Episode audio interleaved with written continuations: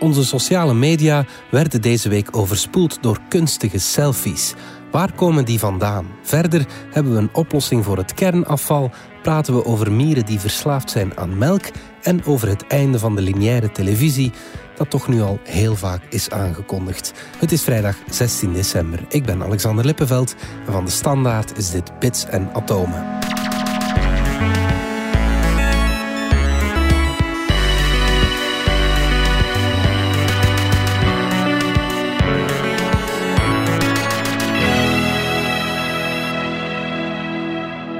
Dominique Dekmijn, technologiejournalist en Pieter van Doren, wetenschapsjournalist. Pieter, we weten uh, niet altijd goed wat we met radioactief afval van kerncentrales moeten doen. Nee. Maar de ESA heeft misschien wel een oplossing. Ja, het is een kleine oplossing, maar het is er wel eentje. Oké. Eh, Stik het op een raket en schiet het af. de ruimte is groot Voilà. genoeg. Nee, we zijn aan het zwansen. Ja. Eh, wat ze gedaan hebben, is eh, een nieuw type stroomgenerator ontwikkelen. Eh, meestal als je de ruimte in gaat, dan neem je hele grote flappen zonnepanelen mee. En dat levert energie genoeg voor eh, je hele ding. Maar er zijn plaatsen waar er geen zon is. Ja. En dat, ja, er zijn eh, kraters op de maan waar, die altijd in de schaduw liggen. Als je daar iets wil gaan doen, zul je toch elektriciteit moeten meenemen. Eh, je kunt wel batterijtjes meenemen, maar dat is toch een tamelijk groot volume. Ja, ja. Dus er waren al lang heel krachtige batterijen. En die werkten met plutonium. Ja, oké. Plutonium geeft een hele hoop warmte af als het splijt. En Ja. die warmte kun je dan gebruiken om elektriciteit mee op te wekken. Of al gewoon om je satelliet van binnen mee te verwarmen. Dat, dat er niks bevriest daar in die ruimte. Maar die plutonium die kwam eigenlijk van eh, wapentechnologie, van, van kernwapens. Oké. Vroeger was het allemaal geen probleem, er was plutonium genoeg. Nu begint dat moeilijker te worden, het is ook delicater. Ja. Dus plutonium wordt nu gemaakt op een manier die niks met wapens te maken heeft. Maar dat is duur. Ja. Het is ook niet zo praktisch. Dus men is nu aan het kijken, kunnen we dat plutonium dat we nu in ons generatoren steken, kunnen we dat niet door iets anders vervangen? En er is er een die gezegd heeft, kijk eens in de kernafval, er zit toch van alles in. Kunnen we daar niks uithalen dat ook werkt? Ja. En dan zijn ze inderdaad uitgekomen bij americium. Een atoom dat verder niemand kent, omdat je het alleen in kernafval vindt. Zo Ah ja, ongeveer. oké, het wordt gemaakt in eh, kerncentrales. Ja. Americium eh, 241 om compleet te zijn. Dat hebben ze apart genomen en inderdaad, dat eh, produceert warmte. Genoeg om generatoren mee te maken. En de ESA is nu aan het eh, proberen om tegen het eind van eh, dit decennium zo'n generator te hebben. Waarbij ze dus de klassieke plutoniumgenerators vervangen door een americiumgenerator. Ah, ja. Americium splijt ietsje trager dan plutonium. Wat betekent dat het per kilogram minder warmte geeft Ja. over dezelfde tijd. Dus je generatoren moeten wat groter zijn. Ja. Van de andere kant, het is veel goedkoper te maken. Mhm. En als je alles in de balans legt, dan moet je zeggen dat zo'n americiumgenerator waarschijnlijk per watt vijf keer minder zal kosten dan een eh, plutoniumgenerator. Ja, oké. Ja. Het probleem met de twee blijft, je kunt ze wel starten, maar je kunt ze niet stopzetten. Ah ja, oké. Ja. En Zo gaat dat, dat ding natuurlijk kern, eh, blijft dat energie. warmte geven. Ja. Dat is een van de redenen waarom ze het liever niet gebruiken in eh, bemande capsules. Mhm. Want als er iets fout gaat, je kunt dat ding niet stopzetten. Ja, dan gaat het helemaal fout. Ja. En dan eh, ga je dus je hele capsule verhitten en verhitten en verhitten en verhitten en het stopt maar niet. ja. Dus dat wil je liever niet. Nee, nee, absoluut niet. Ze zijn voor de rest zijn ze wel veilig. Ja. Ze kunnen een explosie van de hele satelliet overleven zonder dat ze zelf kapot gaan, zonder dat er dus radioactief materiaal vrijkomt. Daar zijn ze wel op ontworpen. Ja, Of ja, daar is de ESA toch mee bezig om te ontwerpen. ja. Eerste gebruik ergens eind, begin volgend decennium. Argonaut, de Europese sonde naar de maan. En dan willen ze het ook gaan gebruiken voor satellieten die naar Jupiter gaan, die naar Neptunus gaan. Waar Ja, het dat heel zijn ver van de zon is ja, en heel voilà. koud en eh, Ja. je nog weinig licht kunt vangen. ja.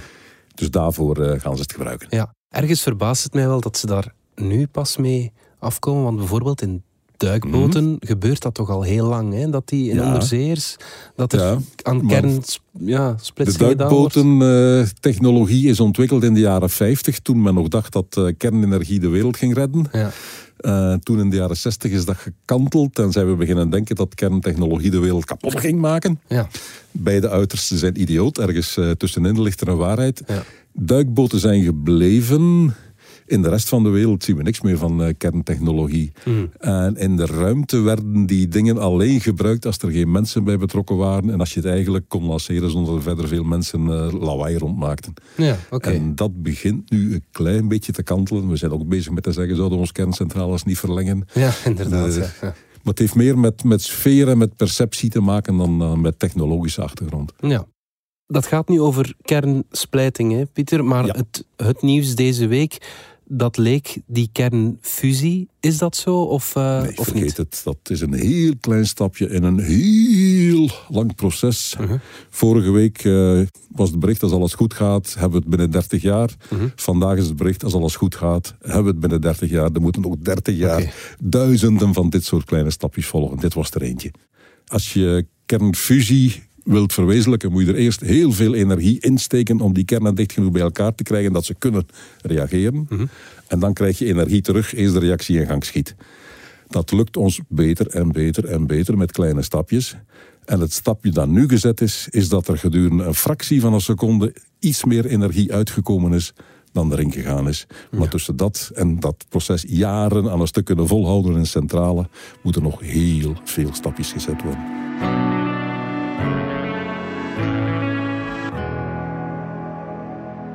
Dominique, een domein waar er dit jaar wel toch heel wat stappen uh, gezet zijn, heb ik de indruk, is dat van de artificiële intelligentie.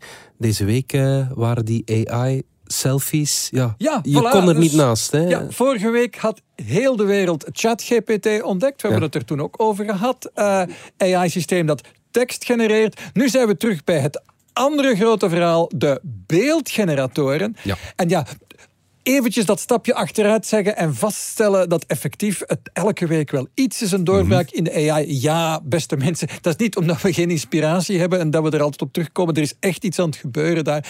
Dit is een, een, een merkwaardig doorbraakjaar geworden dat we eigenlijk niet hadden zien aankomen. Nee, ja. uh, die technologie, daar is men ook al een paar jaar mee bezig, maar nog niet zo lang. Dit gaat over de, het verder uitwerken van doorbraken die misschien, laten we zeggen, drie, vier jaar oud zijn. Mm, nou, plots die, worden ze bruikbaar. En plots worden ze bruikbaar. En niet alleen, ze worden niet alleen bruikbaar, maar we kunnen er allemaal aan. En dat was gewoon begin dit jaar moeilijk te voorspellen. En plots komt al die technologie waar men al een paar jaar aan het koken is, maar die eigenlijk de culminatie is, het, het hoogtepunt van AI-ontwikkelingen die al 10, 12 mm-hmm. jaar bezig zijn, namelijk die hele deep learning. We bereikt, bereikt, het, komt, het wordt nu allemaal rijp en opeens komen er dingen van die werken en we dat we aankunnen.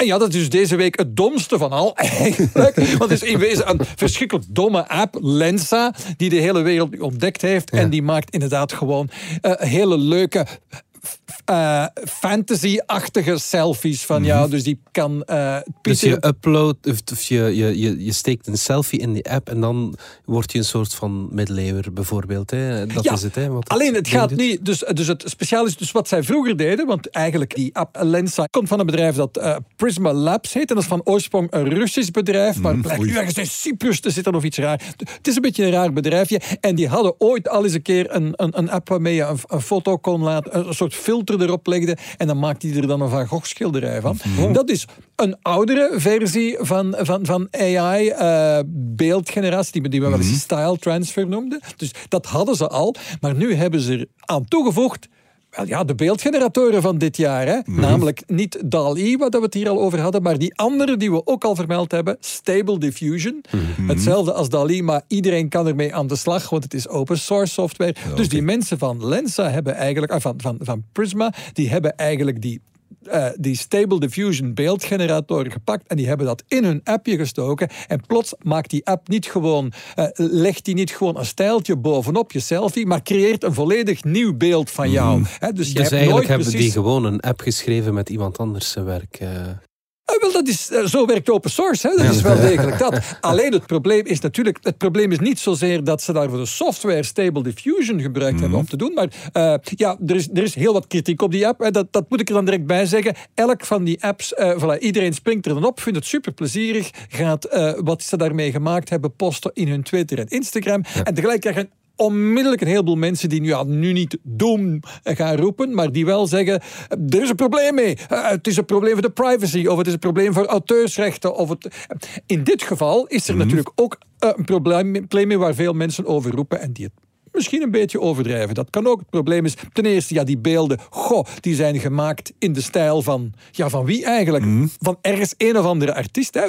Het is, het is bekend met welke beelden men dat Stable Diffusion systeem heeft getraind. God, daar zitten beelden van bestaande artiesten in die hier nu geïmiteerd worden. Is dat fair naar die artiesten toe? Want die krijgen daar geen geld voor. Belangrijke kwestie, maar daar hebben we het hier al eens een keer Ja. over gehad. En, en dat, is, dat geldt voor al die beeldgeneratoren zo. Dat moet allemaal qua auteursrecht nog geregeld worden. Maar waar het waarschijnlijk naartoe gaat, is dat voor de volgende versie van Stable Diffusion of van DAL-E, van die beeldgeneratoren, dat men daar eh, al, alvast artiesten gaat eh, toelaten om te kiezen. Wil ik dat mijn beelden daarin verwerkt worden? Ja, nee. En ik denk artiesten met het soort beelden dat mensen graag willen. Hè? Een stijl die mensen graag willen. Dat die artiesten geld zullen mogen vragen. Voor te zeggen van ja, je mag, je mag duizend van mijn, eh, mijn Photoshop afbeeldingen eh, of Illustrator afbeeldingen in dat systeem zuigen. En dan kunnen mensen vragen naar tekeningen in mijn stijl. Maar dan, eh, maar dan wil ik wel betaald worden. Dus dat, soort, dat wordt wel geregeld. Maar er zijn nog problemen met Lensa. En een, an- eh, een ander probleem is... eh, ja, er was eerst een vraag van de privacy. St- Stuur ik zomaar mijn foto naar een bedrijf dat dan nu blijkbaar niet meer Russisch is, maar toch wel iets met Rusland te maken heeft. Eh, eh, wat gaan die met die- al die foto's van mij doen? En dan denk ik, het soort mensen dat zijn selfie op Instagram zet en, en zijn, nu zijn fantasy selfie op Instagram en Twitter post, is, niet het soort, is, het, is het soort persoon waar nog wel foto's van op het internet staan. En dus of dat... eh, Zo stigmatiserend, Dominique. ja, ja, waar- waarmee ik maar bedoel, ja, ehm, als, er, als er toch al veel foto's van je op het internet staan, kan, eh, kan één voilà, kwaad zijn, dan is het dat ja. ene bedrijf prima, had, had die selfies ook wel ergens anders kunnen vinden, bij wijze van spreken. Dus je hebt daar eigenlijk ehm, niet echt je privacy verder mee in gevaar, gevaar gebracht. Als er voor de rest toch al zoveel foto's van je rondslingeren, dan gaan die paar extra selfies het niet maken. En dan is er een andere zorg, en dat is ook iets wat dat men altijd met die AI-systemen heeft. Hè. De schrik bij de grote bedrijven is van ze gaan mijn AI gebruiken en het gaat iets racistisch of seks- seksistisch doen. En die angst is helemaal terecht. Hè. Dus al die systemen zijn getraind met gegevens van op het internet en het internet zit vol troep. Eh, Dus, eh, en blijkt nu dat als, als je als man, ehm, als, als man je, je, je selfies in dat systeem gooit, dan komt er een soort fantasy superheld uit. Maar als vrouw Ja, komt, voilà, komt er nogal wel eens een geseksualiseerd beeld uit. Ehm, Beeld dat wat- weinig om het lijf wat- heeft. Ja, wat in sommige gevallen... Ja, en in, in sommige gevallen zelfs naaktbeelden. Het is al gebeurd, want gek genoeg op het internet bevindt zich nogal wat naakt. en, en blijkbaar meer vrouwelijk naakt dan mannelijk naakt. Dus de kans dat, dat Lensa eh, eh, eh, een vrouw een, een, een, een naakt fantasybeeld eh, doet, produceert, is groter dan bij een man. En dus dat, ja, dat, dat voelt een beetje fout. En soms is dat precies het effect dat je als persoon wil hebben. Ik wil wel zo'n beeld van mezelf. En soms is het helemaal niet wat je wilt. Goh, en dan kun je zeggen van, ja, is dat een probleem met AI? Dat is een probleem met alle AI nu. Mhm. Ehm, is dat erg? Voor sommige mensen wel, ja.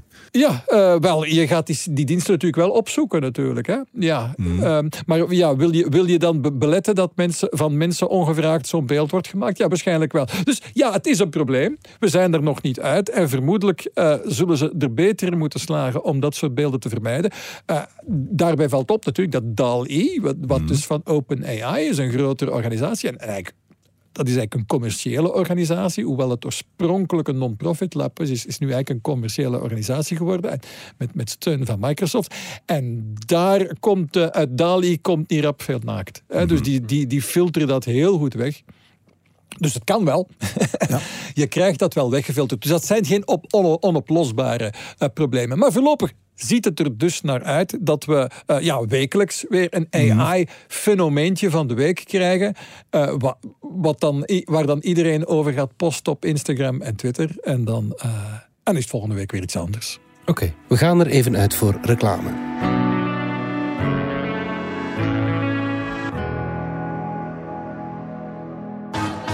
Ik sta op de dansvloer helemaal van voor. Ik zie de DJ's, ik zie mijn vrienden links en rechts van mij. Ik voel euforie, ik voel de muziek, ik voel de liefde van de mensen rondom mij. En ik voel heel veel liefde voor hen. Ik dans. Ik dans. Ik dans met mijn hand over mijn beker. Ik voel mij niet op mijn gemak. Ik ben iedereen de hele tijd aan het screenen. Wie er voor mij en achter mij staat. Achter mij staat, dat voel ik nog. Ik heb het gevoel dat ik mezelf aan het inhouden ben in wie ik ben.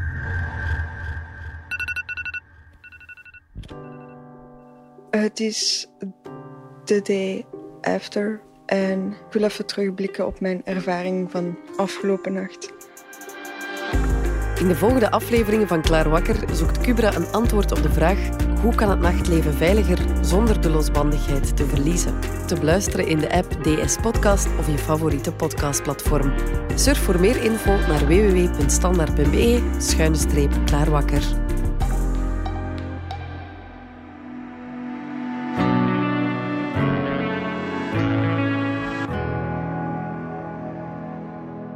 Pieter, we weten dat een koe of een geit gemolken wordt. Mhm. Mensen zeggen ook van duiven dat ze gemolken worden, maar dat is dan weer iets heel anders. Er is een nieuw soort melker en dat is een mierenmelker. Ja, Vertel eens. heel bizar. Ja.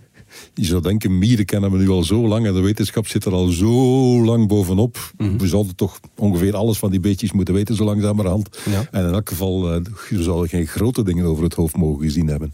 En blijkbaar hebben we dat wel. Mieren geven melk. En dat wisten we tot eh, vorige week, wisten we dat helemaal niet. Oh, oké, oké. Ehm, wat is het probleem? Of probleem? Als je een mierenhoop bekijkt, dan zie je daar een heleboel dieren die samen eigenlijk een soort superorganisme vormen, die heel goed op elkaar ingespeeld zijn, die als geheel dingen kunnen doen waar een individuele mier zelf nooit aan toe komt. Dat hangt allemaal aan elkaar. Ja. Maar hoe? Hoe eh, zorgen die dieren dat ze met elkaar contact nemen, dat ze zich op elkaar afstemmen? Waarom hangen ze zo samen? En er is nu een eh, ploeg op een eh, aantal verschillende plaatsen, onder andere de Sorbonne, die eens gaan kijken zijn. Die hebben mieren in verschillende fasen van hun ontwikkeling uit elkaar gehaald. Die hebben larfjes apart gezet en ze geen contact niet meer gegeven met volwassenen. Wat gebeurt er dan? Ja, ik zou denken, die gaan dood. Ja, dat is ook zo. Ja. En als ze het overleven, zijn ze heel klein en eh, heel ja, achter. Ja. Eh, wat gebeurt er met poppen als je die apart zet? Een pop is normaal een larve die ingekapseld zit Ja. en zich binnen in dat kapsel aan het hervormen is tot er een eh, nieuwe vorm uitkomt, de mier. Ja. Dus je zou denken, ja, die, die pop die ligt daar gewoon te liggen en eh, on- ondertussen binnenin te doen wat ze moet doen. Uh-huh. Die zou geen interactie mogen hebben met de rest van het nest. Mhm. Dus hebben ze poppen apart gelegd en wat bleek? Oh, oh, Ze die poppen gingen dood. Oké. En die poppen verdronken eigenlijk in vocht dat ze zelf produceren. Had nooit iemand gezien dat een pop vocht produceert. Oké, ja. Normaal gezien eh, in het nest, eh, iedereen komt langs en likt dat vocht meteen op. En dat gedrag was eh, nooit vastgesteld, gaat zo snel. En het is zo minuscuul. Niemand had het ooit gezien, maar als je die poppen apart neemt, blijken die melk Ah ja, te produceren. ah, ja oké. En wat bleek verder als ze dan eens goed gingen kijken? Ze hebben dan in die poppen eh, blauwe voedingskleurstof eh, ingespoten. En dan gaan kijken waar komt dat eh, vocht terecht in een mierennest. Alle volwassenen hadden binnen de kortste keren eh, blauw in hun darmen. Mhm, Oké, ja. Alle larfjes hadden blauw. Ja. Het bleek dat de volwassenen dat vocht dronken. En dat, ook de, dat ze de larfjes tot bij de poppen brachten. Ah, ja. Om die ook de kans te geven om te drinken. Oké. En bovendien, de larfjes hebben het nodig. Het is zoals melk bij ons. Mhm. Ze hebben het nodig om te groeien en om te leven. Ah, ja. En de volwassenen niet? Of, eh, En ook de volwassenen hebben het nodig. Het zou kunnen dat die nog kunnen leven zonder. Maar in elk geval hebben ze er ook voordeel bij als ze het eh, ervan drinken. Ja, Dus ze gebruiken het allemaal. Uh-huh. En als ze een tijd geen gehad hebben en eh, je geeft ze terug, hun poppen terug, dan stuiven ze erop af. Ja. Dus blijkbaar hebben ze ook wel nood aan eh, die poppenmelk. Ja, ja, ja oké. Ehm, hebben ze dan eh, hebben ze ontdekt bij één soort mier. En in het Latijn heet die Ooceraya biroi. Het is een mier die zelfs geen Nederlandse naam heeft. Oh ja. En het is ook een mier zonder koningin. Dus Ah, het is een, een beetje een raar ras. Mhm. De werksters planten zichzelf voort. Ze leggen gewoon zelf eitjes en die eitjes komen uit zonder dat er gepaard moet Ah, worden. ja. Is dat anders echt zoals bij de bijen? Dat die, ja, dat ja een hebben ah, ook een is normaal. iets, Maar maagdelijke voortplanting kan dus. Ah, en dit was zo'n eh, stam. Dus hebben ze gezegd, is dat nu typisch voor deze stam? Of geldt dat ook bij andere mieren? Uh-huh. Ja. En dan zijn ze gaan kijken in de vijf grote subgroepen bij de mieren. En hebben ze onder andere gekeken bij een mier die heet het huisdraaigatje. Ik had er nog nooit van gehoord, maar het is wel leuk. Dat is mooi. Ja. bij de geelpoot langsprietmier, hebben ze het ook gecheckt. Die zit bij een andere groep. Ja. Ze hebben het gecheckt bij de rode vuurmuur. Ja. En bij nog eh, twee andere groepen. En het eindresultaat, overal zie je hetzelfde.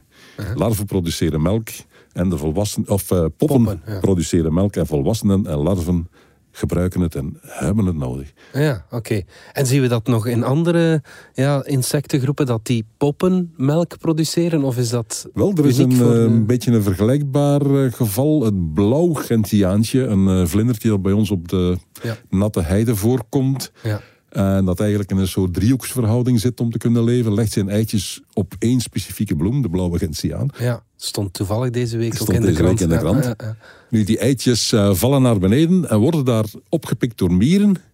Die denken, hey, dit zijn precies onze poppen, die nemen dat mee naar het nest. En wat blijkt nu?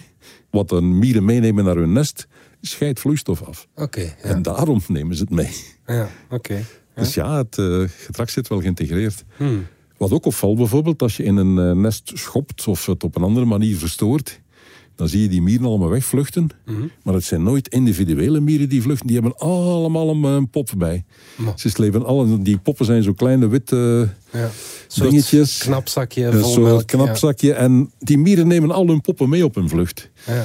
Je zou denken, jongens, laat achter wat achtergelaten kan worden. En zorg dat de koningin mee is en start een nieuw nest als het eh, allemaal heet en eh, dringend wordt. Maar nee, ze slepen hun larven altijd, of hun poppen altijd mee. Ja, En ja, nu weten we waarom. oké.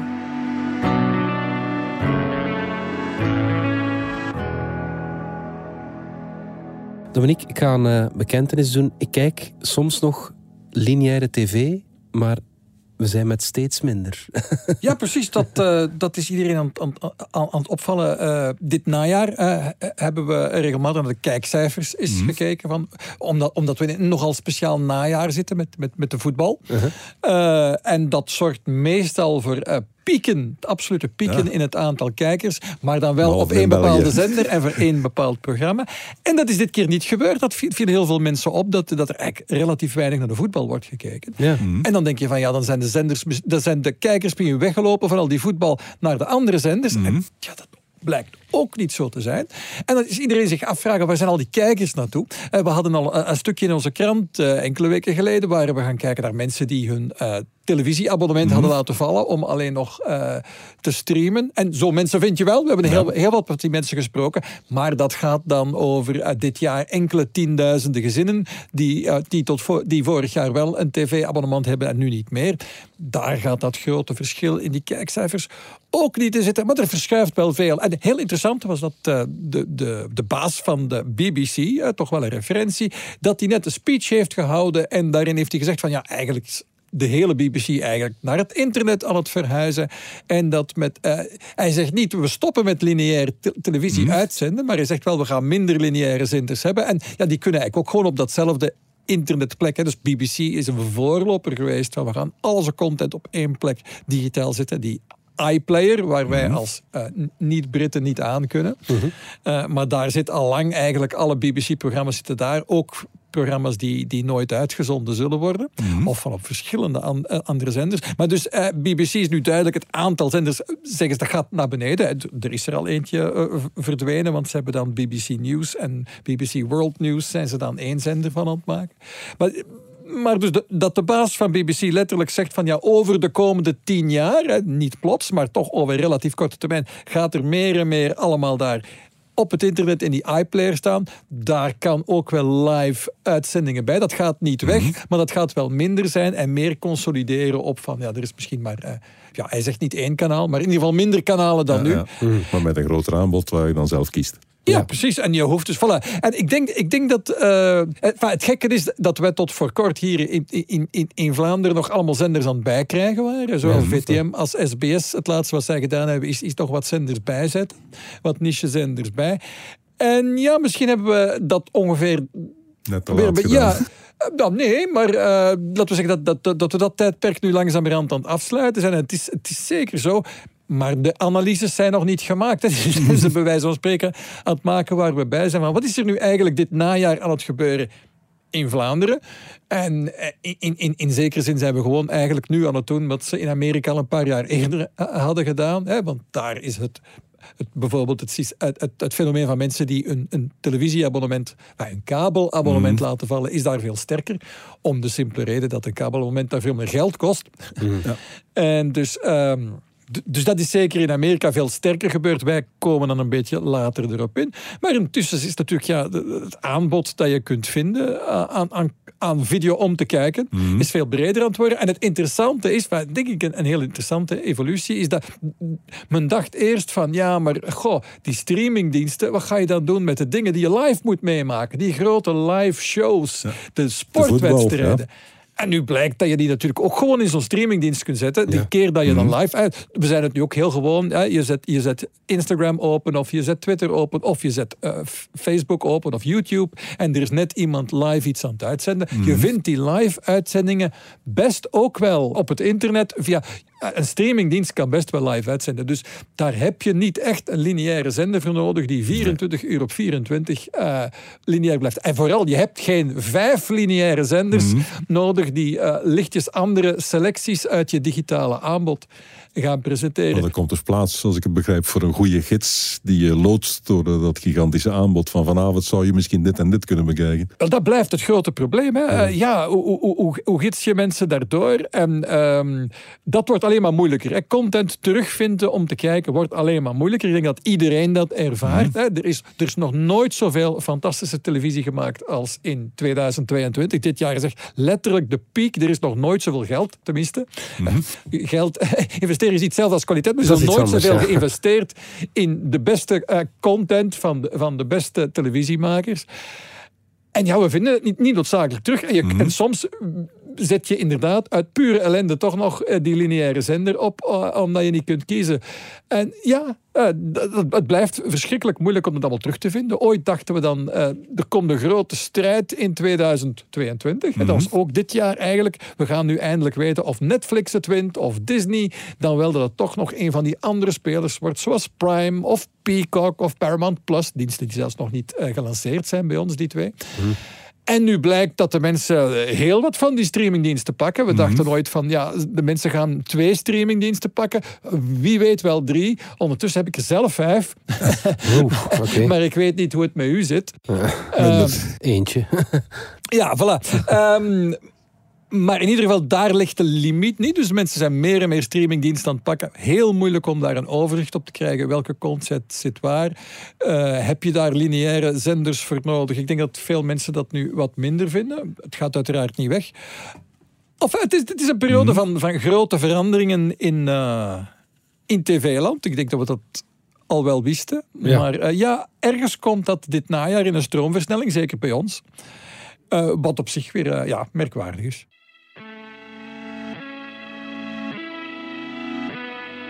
Sterren van de week. Good stage one ignition. To explore where no man has gone before. Tot slot, Pieter, eh, de ster van de week, die zou wel bedacht kunnen zijn door Merho, de striptekenaar. De ster van de week heet Kiekeboe. of op zijn Engels Peekaboo. Vertel. En het is eigenlijk een ster, het is een melkweg. Mm Maar je ziet hem niet, want hij zit achter een ster. Ah ja. Tenminste, 100 jaar geleden, als je zou gekeken hebben, had je niks gezien, zag je alleen een ster. Mhm. En langzamerhand, die ster staat op de voorgrond en veel dieper in het heelal zit die uh, melkweg. En die is langzamerhand nu van achter die ster aan het kruipen. Is er al een beetje van achter. En net ver genoeg om met uh, ja, de telescopen die we tegenwoordig hebben, de, de Hubble en uh, aanverwanten, mhm. om hem te zien. En men is er nu zelfs in geslaagd om binnen die melkweg iets van 60 individuele sterren, elk apart, te bekijken en het licht daarvan te bekijken. Ah ja, oké. En uh, ja, nu vallen er een paar hoeden af. Niemand snapt wat er aan de hand is. Mhm. Het is een uh, jonge melkweg. Dat mhm. zie je aan het feit dat hij weinig rode reuzen heeft en veel blauwe dwergen. Mhm. Het licht is, onder, is een, iets van een 20 miljoen jaar onderweg geweest. Het is zelfs 22 miljoen lichtjaar van hier. Dus dat is in de geschiedenis van het heelal is dat heel kort. Ja, ja. Het heelal is uh, bijna 14 miljard jaar. Mm -hmm. Dus uh, het licht dat we nu zien is jong. Mm -hmm. En de sterren die het maken, zien er ook jong uit. Ja. En dat is heel bizar, want het heelal is oud. Ja, wel. Onze zon Die, uh, daar zit van alles in, in, in, in het gas. Uh, het merendeel is waterstof en helium, maar daar zitten ook uh, alle andere atomen in. En in het gruis waaruit de zon en ook de aarde gemaakt is, er zaten heel veel atomen. Wij worden ermee gemaakt. Ja, ja, ja. Allemaal dingen die veel zwaarder zijn dan waterstof en helium. Dat zijn de eerste die in een ster gemaakt worden. Mm -hmm. Als zo'n ster ontploft, al dat wat ze gemaakt heeft, gaat het heelal in. En uh, krijgen we nieuwe gaswolken die weer samenkomen in een nieuwe ster. Ja. En die werkt verder met het bestaande materiaal. Mm -hmm. Dus een jonge een ster die nog niet zo lang bestaat, zoals onze zon, 5 miljard jaar. Mm -hmm. Daarin zie je een heleboel andere atomen die in vroegere generaties in vroegere sterren gemaakt zijn. Alleen in deze melkweg is dat niet zo. Oh ja, oké. Okay. Ja. Het heelal is oud. Je zou verwachten, als er nu een melkweg gemaakt wordt, dan ja, gebruikt die oud gas ja. waar allerhande soorten atomen in zitten. Uh -huh. En nee, deze melkweg bestaat bijna puur uit waterstof en helium en er zit voor de rest niks anders in. Oké, okay, ja. ja. ja, ja Oké. Okay, uh. Alle astronomen zijn nu zeer blij, want ze hebben een nieuw probleem. Ja, ja, wel. Wetenschap gaat niet over het oplossen van het probleem, maar over het, uh, het zoeken naar problemen. Dan hebben ze tenminste werk. Ja. Dus ja, er is, uh, er is werk op de plank. Oké, okay, goed. Benieuwd wat dat wordt. Goed, bedankt. Dit was Spits en Atomen, onze wekelijkse podcast over wetenschap en technologie. Bedankt voor het luisteren. Volg onze podcast op Spotify, Apple Podcast, in de app DS Podcast of op eender welk ander podcastplatform. Alle credits van de podcast die je net hoorde vind je op standaard.be-podcast. Reageren kan via podcast.standaard.be. Volgende week zijn we opnieuw.